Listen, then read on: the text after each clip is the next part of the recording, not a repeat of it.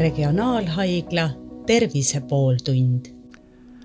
tere kuulama Regionaalhaigla Tervise pooltunni uut episoodi, me räägime taastusravist ja räägime südame-veresoonkonna haigustest taastumisest ja külas on taastusravikeskuse ülemarsti juhataja doktor Anneli Jürgenson ja temaga vestleb Hando Sinisalu, tere tulemast! tere! Kõige levinumad äh, haigused, mis, äh, mis lõpevad äh, surmaga, on südame-veresoonkonna haigused, aga väga sageli inimesed siiski pääsevad nendest ja elavad veel kaua ja õnnelikult edasi, juhul kui nad, neil õnnestub kenasti taastuda. ja, ja siin on nüüd see koht, kus, kus taastusravil on väga oluline roll ja, ja kui me võtame need äh, need äh, ükshaaval ette, need äh, haigused, siis, siis võib-olla räägiks alustuseks südameinfarktist ja sellest taastumisest, et et teatavasti äh, kui inimene on infarktist taastumas, siis ta sageli on väga nõrk ja, ja tema jõudlus on madal ja ja südamelihasest võib-olla on halvemal juhul suhteliselt väike hulk alles jäänud, et kuidas äh,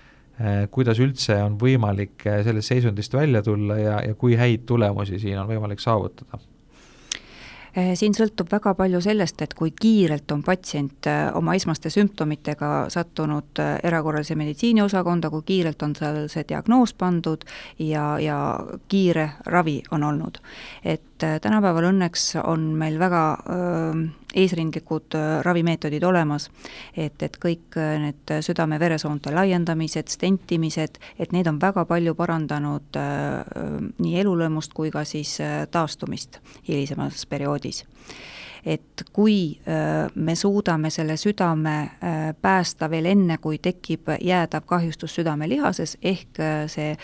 Äh, verevoolu taastamine selles äh, umbunud äh, soones tehakse hästi-hästi kiiresti, nii et tegelikult väga suurt kahjustust ei juhtugi südamelihases, siis seda paremad on loomulikult tulemused. aga mm, noortel äh, täiskasvanutel, kellel äh, samuti tuleb ette nüüd üha sagedamini ägedat südameinfarkti,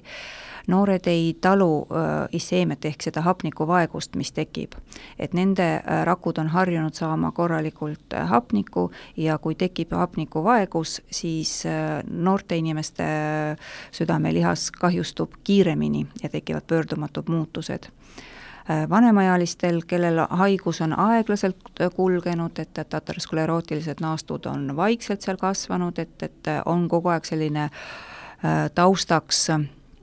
väikene isseemiline moment, nendel äh, tulevad äh, uued kollateraalid ehk väikesed veresoonekesed, mis siis äh, varustavad küll mitte nii hästi kui need põhisooned, aga siiski teevad oma töö ära.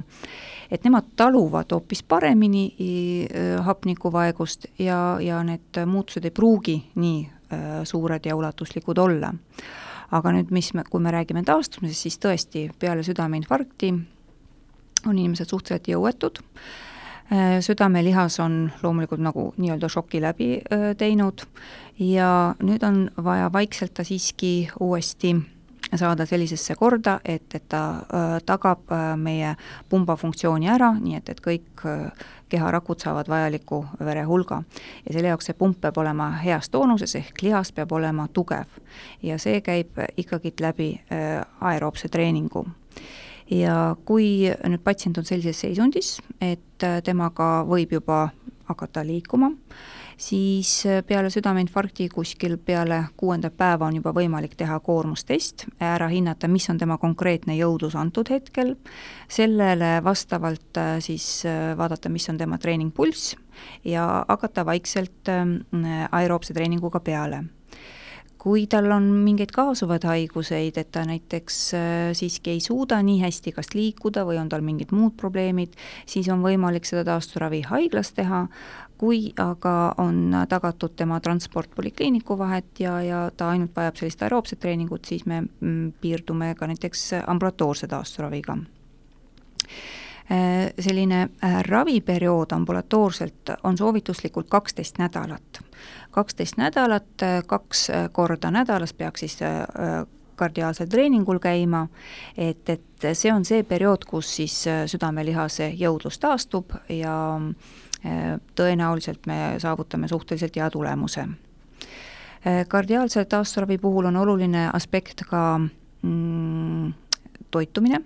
et kas patsient on ülekaalune olnud, millised on tema toitumisharjumused olnud, kas ta on suitsetaja, millised on tema riskifaktorid selle haiguse suhtes. et taastusravis me käsitleme ka neid riskifaktoreid, on see suitsetamisest loobumise nõustamised, on äh, ravitoitlustamine äh, ja, ja nõustamine mm, ja, ja psühholoogiline nõustamine samamoodi, sest väga sageli, kui patsient on südameinfarktiga haiglasse sattunud, see on tema jaoks tohutu häirekell, mis tekitab temas äh, emotsionaalselt paanika ja, ja suure hirmu, et mis nüüd edasi saab, et, et kas ja kuidas ma oma elu äh, saan jätkata. ja siin tulevadki siis meie taastusravimeeskond appi, et, et ähm, tegeleda ka selle psühholoogilise poolega, et lisaks treeningule no infarkti peetakse ka ju mingil määral elustiili haiguseks, et, et need, kellel on, nagu te nimetasite, need riskifaktorid, ülekaal ja, ja vähene liikumine ja suitsetamine ja nii edasi enne haigust, et et, et mis, kas, kas, kas nendel on see taastumine siis ka aeglasem või raskem kui nendel, kes olid eelnevalt, elasid tervislikumat elu? Äh, väga suuri vahesid ma siiski ei ole näinud, et, et äh, suitsetajatel on kindlasti lisaks, ähm, ma olen täheldanud, nendel on äh, valusündroom on alati natukene tugevam kui nendel, kelle, kes ei suitseta. aga põhimõtteliselt see taastumine on siiski suhteliselt sarnane nendel südamelihase funktsiooni seisukohast, kui kui nüüd seda aeroobset treeningut ikkagi tegema hakata. kas kaksteist nädalat ongi siis see, see aeg, millega see peaks taastuma, et, et nagu pärast seda enam mingeid märkimisväärseid arenguid ei toimu või, või, või on see ikkagi nagu pikem protsess? põhimõtteliselt on see pikem protsess, see on see äh, aeg, kus äh, treening hakkab andma oma efekti. et äh, nii, nagu mina ütlen, ega me ühe päevaga olümpiavõitjaks ei saa, et me peame selle jaoks tööd tegema ja, ja, ja äh, lihase jõudlus ka ei taastu ühe-kahe päeva, nädalaga. selle jaoks on äh, uuringute alusel kindlaks tehtud, et, et kaksteist nädalat oleks nagu optimaalne selline kardiaalse taastusravi kestus. aga nüüd, kui, kui südamelihas on ikkagi saanud äh, kannatada selle hapniku või vere, verevaeguse tõttu ja, ma saan aru, et see enam ei taastu põhimõtteliselt, siis see järgi jäänud terve osa, see peab selle ülejäänud töö ka ära tegema et, et kui, kui häid tulemusi seal on võimalik saavutada, et kui, kui suure kahjustuse korral on võimalik selline esialgse funktsiooni lähedane jõudlus saavutada üldse? Mm, see sõltub väga palju sellestki, et, et kus kohas, millises südamepiirkonnas on see kahjustus olnud. et äh, südame vasakvatsake, mis on meil siis, vastutab suure vereringe eest, et, et kui seal on suurem jagu südamelihasest kahjustunud, siis tegelikult see mm, taastumine ja jõudlus on tegelikult väga-väga keeruline. et seal peab äh, väga hoolikalt medikamentidega kaasa aitama, äh, et, et vältida seda südamepuudulikkuse süvenemist ja, ja ma ei usu, et, et äh, sealt tuleks endine südamejõudlus tagasi. aga mõnel juhul tuleb ka suhteliselt nii-öelda inimene ei äh, kui on hästi läinud ja see, see infarkt on saadud väga kiiresti kontrolli alla, et siis on võimalik, et ta nagu enam-vähem elabki endist elu edasi, et ei, ei ole väga suurt vahet. Eh, osadel juhtudel võib ka nii olla, jah mm. -hmm. aga kui, kui suur see inimese enda roll selle juures nüüd on, et, et noh, üks asi on see, mida arstid saavad teha ja nõu anda, aga kuivõrd see, see nii-öelda enesedistsipliin või, või siis see eh, enesega tegelemine, kui, kui oluline see on? Äh, ma ütleksin, et see on kõige olulisem üldse. et äh, tegelikult mingitel põhjustel see haigus tal ju tekkis, üks osa on muidugi geneetiline roll, et osadel patsientidel ongi eelsoodumus aterosklerootiliste mehhanismide tekkeks ja ja kolesterooli ainevahetus ja nii edasi Äh, aga teiselt poolt on neid riskifaktoreid võimalik siiski ka hallata ja, ja siin ongi see sekundaarne preventsioon olemas, et, et ikkagi, äh, kui oled suitsetaja olnud, siis äh, tuleb sellest loobuda, kui on kolesterooli väärtused kõrged olnud, siis tuleb oma toitumine üle vaadata, tuleb liikuda, vaatamata sellele, et, et kui südamelihas on ka kahjustada saanud, siis tegelikult liikumine temale sobiva koormusega on alati vajalik, sellepärast et nii kui patsient otsustab, et mu süda on nüüd nii haige, et ma ei tohi mitte midagi teha, siis teeb ta omale sellega karuteene, sest et, et siis kohe kõik skeletilihased äh, saavad aru, et oo, mind pole enam vaja, mind ei kasutata, siis hakkab äh, lihasmass vähenema ja siis, kui südamelihas võib-olla saakski mingil moel tu-, tublimaks, siis on juba kerelihased niivõrd nõrgad, et, et me ei jaksa, ütleme, enam ka trepist üles minna mm. -hmm et, et mõõdukas liikumine patsiendile sobiva koormusega peab jääma igal juhul. aga nüüd, äh, kui me nüüd meenutame ajalugu ja, ja, ja kirjandust ja filme ja muud, et siis äh, vähemalt vanasti oli see mereõhk ja männiõhk ja, ja selline kuurort ja, ja kõik see ju ka osa taastusravist, et kui äh, suurt rolli see tänapäeval mängib? Äh, see on ikkagi seesama psühholoogia pool, et äh, kui ma tulen keskkonnast välja, mis, mis on minust ärevust tekitanud, kui ma saan mingisugused probleemid korraks kõrvale heita, see kindlasti mõjub äh, psühholoogiliselt nii-öelda rahustavalt, lõõgastavalt äh, ja, ja see võtab maha meie stressitalu, stressitaset ja, ja kõik need stressihormoonid, nende tase langeb. Ja sellega me ei piitsuta südamelihast üles, et sellel on ka tegelikult täiesti Äh,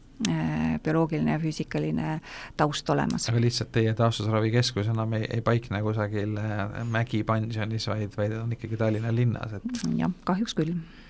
kui nüüd rääkida teisest olulisest äh, haiguste rühmast, need on siis aju, ajuinsuldiga seotud asjad, siis seal on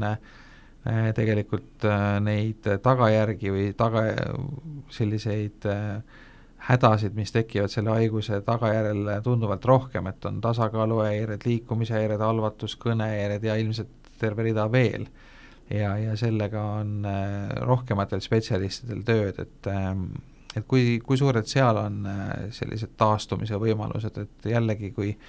kui vaadata meediat, popkultuuri, siis, äh, siis näiteks jääb mulje, et inimene õpetatakse uuesti rääkima, et, et see on täiesti nagu teostatav ja samamoodi väga paljud äh, hakkavad uuesti liikuma, kuigi alguses on olukord olnud väga kurb, et, et kui, kui palju seal annab siis äh, midagi korda saata? ka insuldihaigetel on äärmiselt oluline, et, et seda taastusravi alustatakse varakult, et et äh, nii kui patsiendi äh, meditsiiniline seisund on stabiilne, et äh, ta peab vererõhku ja tal ei ole palavikku ja tal ei ole mingeid infektsioone ja, ja tema psüühika on selles mõttes hea, et, et ta ei ole psühhootiline, tuleb kohe alustada taastusraviga, kohe aktiviseerida, nii palju, kui on see võimalik tema seisundi puhul, kohe alustada neelamisteraapiaga, kõneteraapiaga, kui tal on need häired tekkinud tegevusteraapia, samamoodi see psühhoteraapia, kognitsioon, kõik, mis on seotud äh, tajuga, mäluga, äh, asjadest arusaamisega, asjade planeerimisega, see on, mis aju rollid, et sellega tuleb koheselt alustada. ja, ja siis on juba tegelikult esimesed kaks-kolm kuud näitavad, et mis suunas see patsient oma paranemisega liigub. Kui palju on temas seda paranemispotentsiaali. see jällegi sõltub väga palju patsiendi eelnevast, eelnevatest haigu-, haigustest, seisundist äh, ja, ja kas ta on noor või vana. Aga kui palju siin äh, on lähedastel võimalik äh, korda saata midagi, et noh, tegelikult ega see treening ju äh, äh, ei alga ega lõppe või see taastumine nüüd teie, teie majas äh, patsiendiks olemisega, et äh,, et ka kodus ja, ja, ja väljaspool haiglaseinu on võimalik väga palju ära teha, aga aga nüüd äh, on küsimus, et kes seda oskab professionaalselt juhendada, et neid spetsialiste ilmselt on vähe, et kas, kas on võimalik ka niimoodi, et nüüd, nüüd teie juures keegi lähedane omandab mingisugused põhilised oskused äh, ma ei tea, olgu see siis kõneteraapia või midagi muud ja siis saab seda nii-öelda kodus edasi teha. jah, taastusravi on äh, meeskondlik ravi ja sinna meeskonda kuulub äh, nii see patsient kui ka tema lähedane. ja taastusravikeskuses ongi meil tegelikult töö niimoodi üles ehitatud, et äh, patsiendi lähedane osaleb meeskonnatöös, nii et seal, kus me arutame kõikide psühholoogi, tegevusterapeudi, logopeedi, füsioterapeudi, sotsiaaltöötaja, arsti ja õega, patsiendi ja tema lähedasega. Äh, me oleme kõik koos ühes ruumis ja, ja räägime, mis probleemid on patsiendil, kuidas neid äh, saab ähm, kas siis parandada või siis kohandada juba vastavalt olukorrale.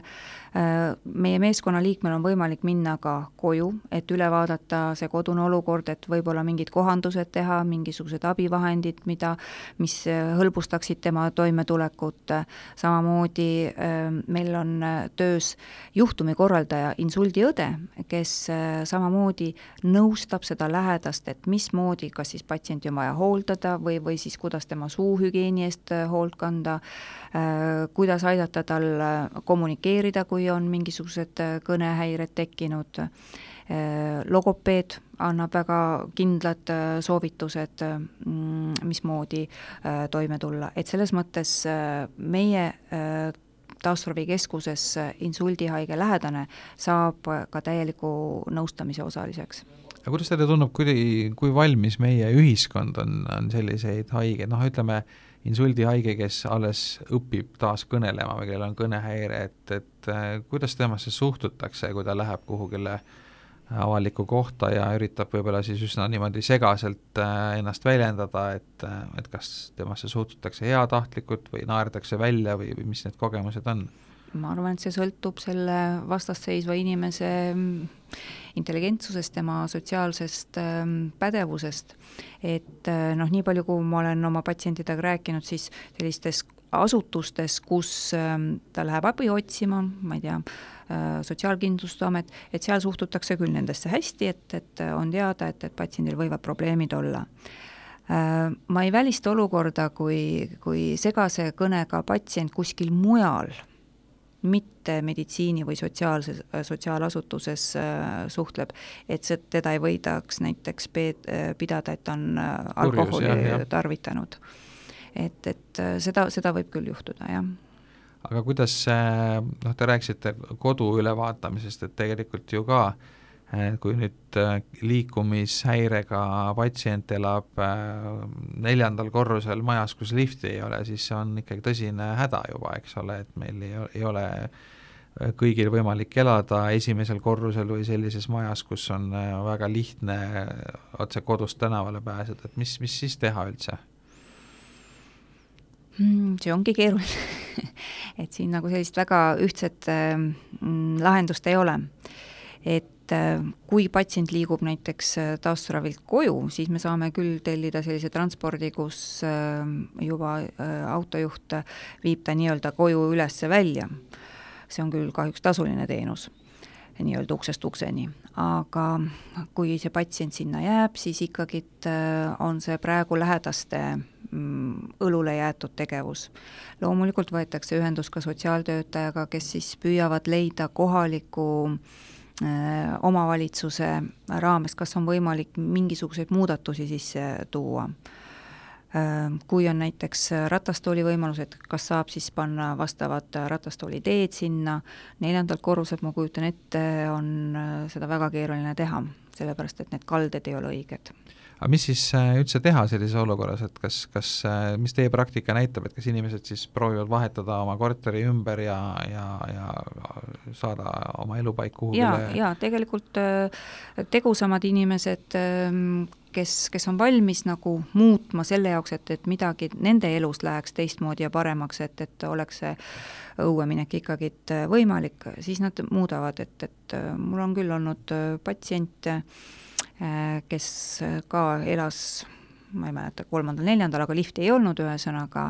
ja, ja siis ta Sotsiaalameti kaudu ikkagi taotles sotsiaalkorteri, mis oli esimesel korrusel. aga kui oluline see, te nimetasite õue minemine, et see on tegelikult ka üks, üks selline asi, et et sageli inimesed kas häbenevad, ei tunne ennast enam hästi teiste hulgas, tahavadki olla seal oma nii-öelda koopas varjul ja, ja, ja, ja siis äh, see, seal tasapisi niimoodi põdeda ja taastuda, aga, aga kui oluline see on, et inimene, kes juba natukenegi suudab liikuda, läheks välja, ma ei tea, osaleks äh, mõnel kontserdil või avalikul üritusel, läheks kas või poodi või liiguks tänaval, et Ähm, et, et kui oluline see on, ütleme, see tema tagasilülitumine siis äh, ühiskonda, inimeste sekka minek taastumisel? see on, see on tegelikult hästi-hästi oluline. ja, ja siin mõnikord patsiendid panevad ise omale piirid peale et nad häbenevad oma sellist äh, teistmoodi välimust, sest äh, kui sul on ühe kehapoole halvatus, siis see tegelikult hakkab ju silma, et, et sa liipad jalga või su käsi on natukene e, ebamäärases asendis äh, rinna peal, sa ei saa nii mugavalt ennast võib-olla riidesse panna, trepidel käia, et, et sest see paistab kohe välja. ja, ja on rida inimesi, kes on võib-olla ka sellised sädelevad, harjunud positiivset tähelepanu saama ja kui nüüd on nende elus juhtunud selline väga oluline muudatus, siis nad pigem väldivad ja tõmbavadki ennast nurka. samas mina pean seda selleks, et nad ise panevad barjäärid ette oma, oma elule. aga siin on jälle need barjäärid tegelikult vaimset laadi, psühholoogilist laadi. ja kui palju teie aitate nendest barjääridest üle saada oma, oma spetsialistide ringiga? meie püüame, meie püüame aga te samas ei saa ju kedagi ka käe kõrvale võtta ja, ja õue viia nagu inimeste sekka. Eh, me oleme seda isegi teinud, et, et näiteks kui patsient on haiglas, et eh, ja me teame, et, et eh, ta tegelikult on võimeline õue minema, aga ta vajab sellist innustust, siis meie terapeut lähebki temaga õue, et, et teemegi kõik need protseduurid läbi, et, et paneb omale riided selga, liigub kas siis trepini või liftini, vajutab sellele nupule, lifti nupule, sõidab alla, et astub äh, tänaval üle tänavakivi ääre, et äh, ja läheme isegi poodi patsiendiga, et äh, harjutada poes käimist, et, et raha lugemist, et need on kõik need taasturavitegevused, mida, mida meil tehakse. Mhm. ja need äh, annavad tulemusi, et selles mõttes tulemusi, jah et selles mõttes ju tuleb, tuleb innustada inimesi sellest mugavustsoonist välja ja, ja vaeva nägema, et, et see tegelikult tasub ja. ära. et mul oli just üks nooremat äh, äh, sorti naisterahvas, kellel oli äh, kuue kuu sees kaks korda insulti olnud ja selle ühe insuldi tagajärjel äh, tal olid äh, keskendumisraskused. nii et ta ei saanud poodi minna sellepärast, et, et kõik see kaupade virvarr tekitas temas tohutut äh, segadust, ta ei suutnud leida mitte ühtegi asja. ja siis me tegelikult äh, harjutasimegi, et ta teeb kõigepealt nimekirja valmis, mis tal on vaja, ja siis äh, rahulikult selle nimekirja alusel läheb ja otsib need asjad valmis. ja ta käis äh, jätkuvalt äh, paari-kolme aasta vältel meie juures taastusravis väikeste vaheaegadega ja siis ma küsisin, no et, kuidas nüüd on, kas te käite iseseisvalt poes? ta ütles, et käin küll, aga oma kodu noh, väikeses poes, mis, mis ei ole nii suur mm. -hmm. et selles mõttes ta tuleb ikkagi toime oma eluga no see on hea, hea näide innustamaks ka, ka teisi enda, enda eest võitlema, sest kui, kui ise äh, ise ennast ei aita, siis ei aita sind ka Jumal ega ka taastusravikeskuse arstid. aitäh äh, stuudiosse tulemast, äh, doktor Anneli Jürgenson, kes on siis äh, Regionaalhaigla taastusravikeskuse ülemarst ja juhataja ja temaga vestles Hando Sinisalu, aitäh, et kuulasite Tervise pooltundi. regionaalhaigla Tervise pooltund